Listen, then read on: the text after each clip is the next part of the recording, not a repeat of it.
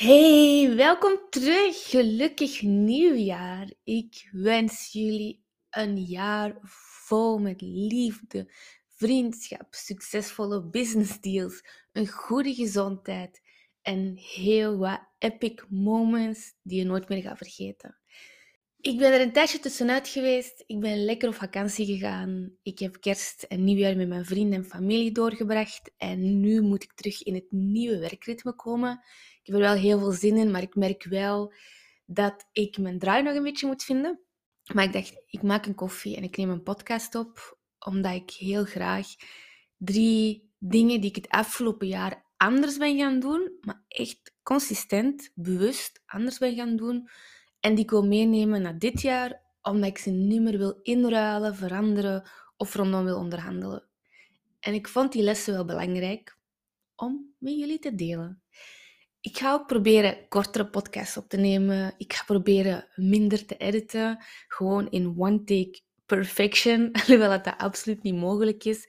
Maar ik merk dat ik heel veel dingen wil doen en wil delen, maar dat de voorbereiding, het opnemen of het maken, het editen en bewerken, het posten, het reageren op jullie hele lieve berichtjes of op jullie vragen echt wel veel van mijn tijd vraagt. Dus ik zal dit jaar iets consequenter en iets minder perfectionistisch moeten zijn. Dus ik vlieg er meteen in en mijn goede voornemen heeft ook direct te maken met de les die ik vorig jaar anders ben gaan doen en die ik nu absoluut niet meer wil veranderen. En die klinkt heel cliché en we kennen ze allemaal en we lezen het overal. En bijna elke dag komt het wel op ons pad. Maar op een of andere manier doen we dat nog steeds niet. En dat is meer doen wat dat je zelf wil doen. Zo simpel, maar zo moeilijk. Ik denk dat dat heeft te maken met dat wij als mens van nature mensen willen pleasen, mensen willen liefhebben, voor mensen willen zorgen.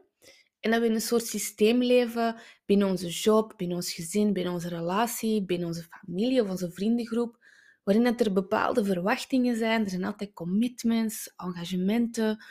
En je hebt constant het gevoel dat je voor andere dingen aan het doen bent. Omdat we ook in een overload van prikkels zitten Social media en die smartphone doen er niet goed aan. Jawel, mijn ouders en grootouders hebben een stukje gelijk. Als kind of als puber zeurden zij daar enorm over. Ehm, dat het in hun tijd toch zoveel beter was. Maar ik merk zelf nu dat het constant beschikbaar zijn, het uh, deelnemen aan zoveel groepchats, aan zoveel ja, events, netwerken, um, betrokken zijn binnen zoveel projecten, het lijstje is lang. Daarin, in die, ja, in die overvloed, in die hoeveelheid van engagementen, toch nog gewoon dicht bij jezelf blijven en doen wat je zelf wil doen, is een uitdaging. En in het verleden zei ik ja op alles en voel ik me zo verantwoordelijk om alles te doen.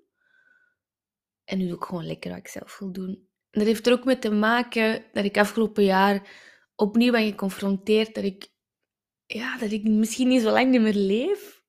Maar dat geldt eigenlijk voor iedereen, want het leven is niet vanzelfsprekend. We mogen dat echt niet vanzelfsprekend nemen.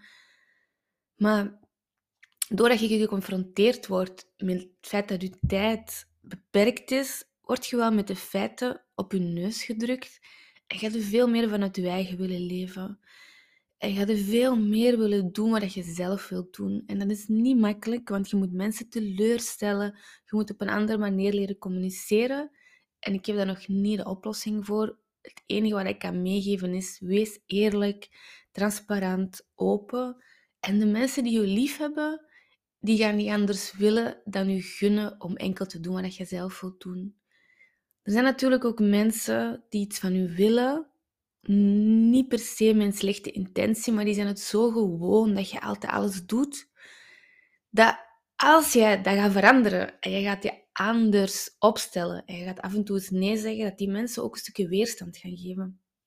En die weerstand voelt op het begin heel ongemakkelijk aan, maar op het einde van de dag, en dat is mijn conclusie na een jaar, worden je relaties sterker, authentieker, echter en voelt iedereen zich er veel beter bij.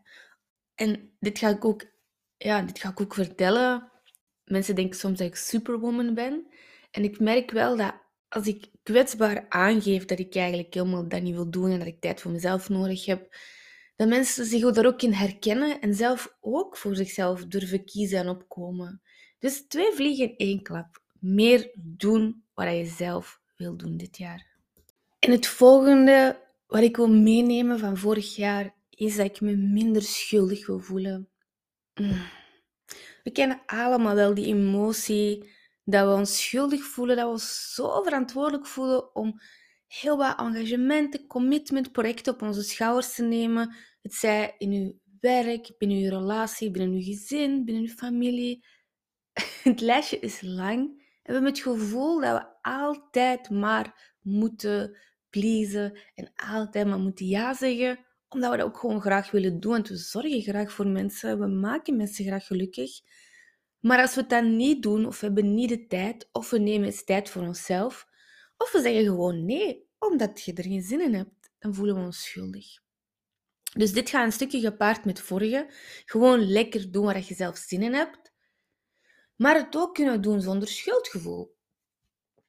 Nu, dat was voor mij toch wel een uitdaging en heel zwaar uit mijn comfortzone. Ik ga daar heel eerlijk in zijn. Ik heb daarmee moeten oefenen, experimenteren en het voelt nog steeds onnatuurlijk aan. En ik heb nog steeds de neiging om ja, me toch schuldig te voelen of op zijn minst te reflecteren over: oké, als ik dit niet doe, dan kies ik al voor mezelf. Dus ja, dat is 100% oké en dat geeft me heel veel energie en, en, en rust en vertrouwen in mezelf, dat ik voor mezelf aan het zorgen ben. Maar er is een klein stemmetje dat toch nog steeds zegt, ja, maar dat stemmetje nimmer meenemen naar 2022 is voor mij iets waar ik ga aan blijven werken. En ik moet, moet ook zeggen, ik heb fantastische mensen rondom mij. Ik heb leren kwetsbaar open communiceren. En de mensen die op een positieve manier reageren en die jezelf zien als voorbeeld van, hmm, geïnspireerd mij wel, want doordat jij voor jezelf keuzes durft maken en dat jij voor jezelf hardop uh, ja, durft benoemen, dat je je niet schuldig wilt voelen, dat je met heel veel plezier dat zou willen doen, maar dat je niet de mentale ruimte hebt of de fysieke energie om iets te doen. En dat je dus het heel graag zou willen doen, maar het niet kunt. En um, dat al communiceren, dat maakt voor mensen een wereld van verschil. En zij durven op hun beurt het ook naar u terug communiceren of naar anderen. Dus op zich is dat een heel, iets heel gezond.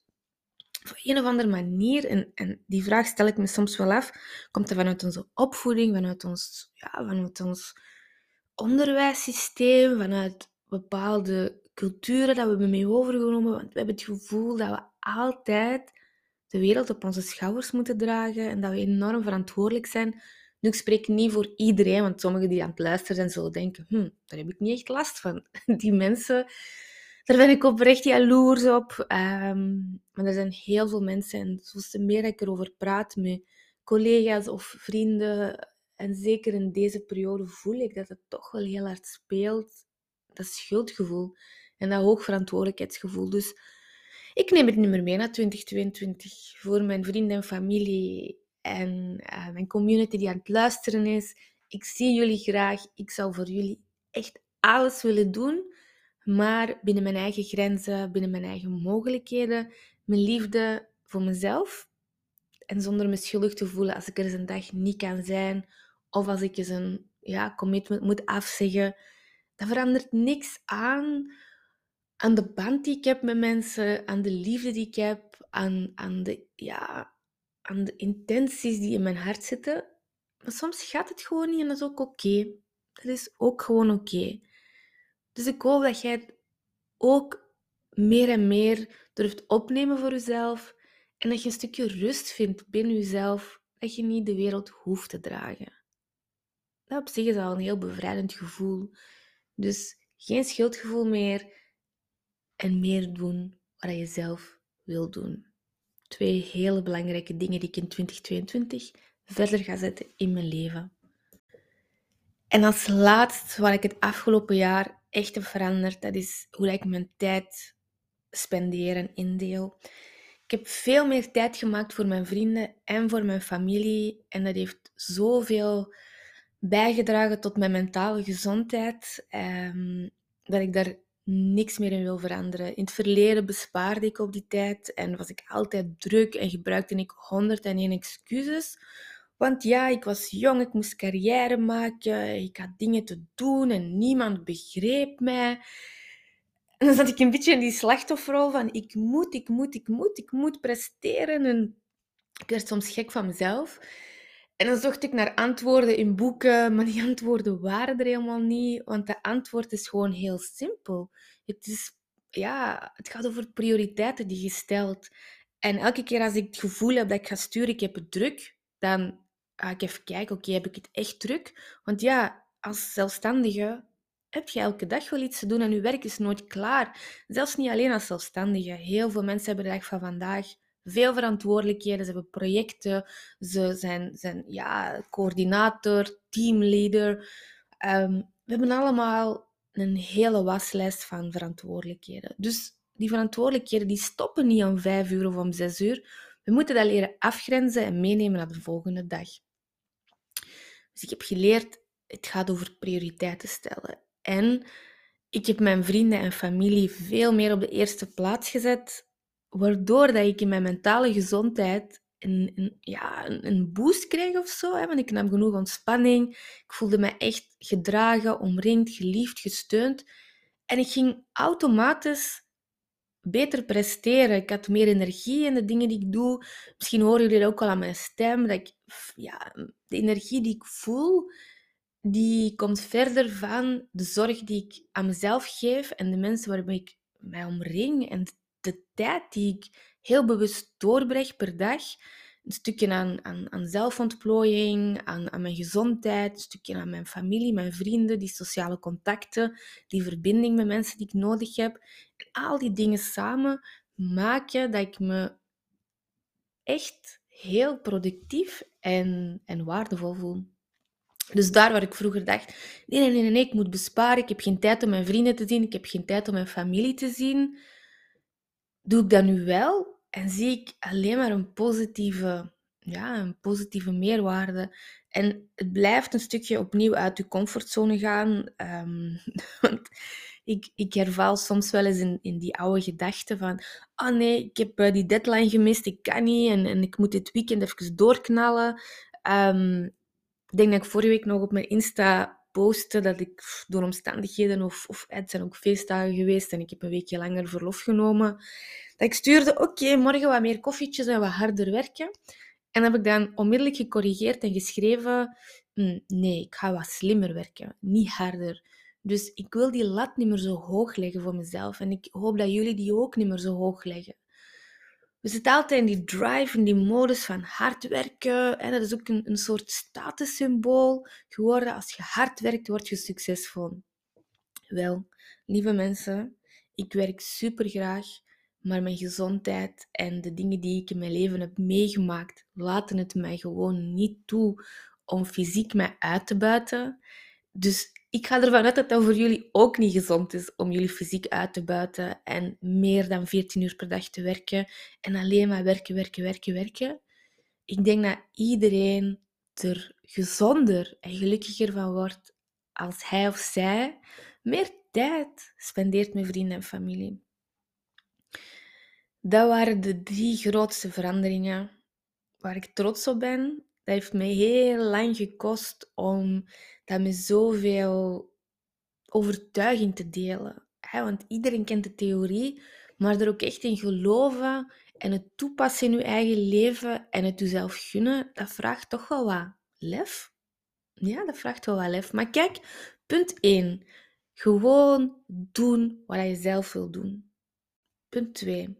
Zonder je schuldig te voelen. En zonder een verantwoordelijkheid of een verantwoording af te leggen. En punt 3 meer tijd steken in je vrienden en in je familie. En die drie dingen samen zorgen ervoor dat je kwaliteit van je leven enorm gaat verhogen. Voilà, dit waren mijn 15 minuten inspiratie voor jullie vanuit mijn eigen leven. Ik heb het allemaal zelf meegemaakt, ik heb het getest en ik deel het met heel veel liefde en plezier. In mijn volgende aflevering ga ik het hebben over hoe dat je nu eigenlijk je droomleven opbouwt en welke stappen je daarvoor moet zetten en hoe belangrijk je mindset daarvoor is. Dus Volg mij op Instagram. Stay tuned. En ik deel heel graag volgende week een nieuwe aflevering. Doei!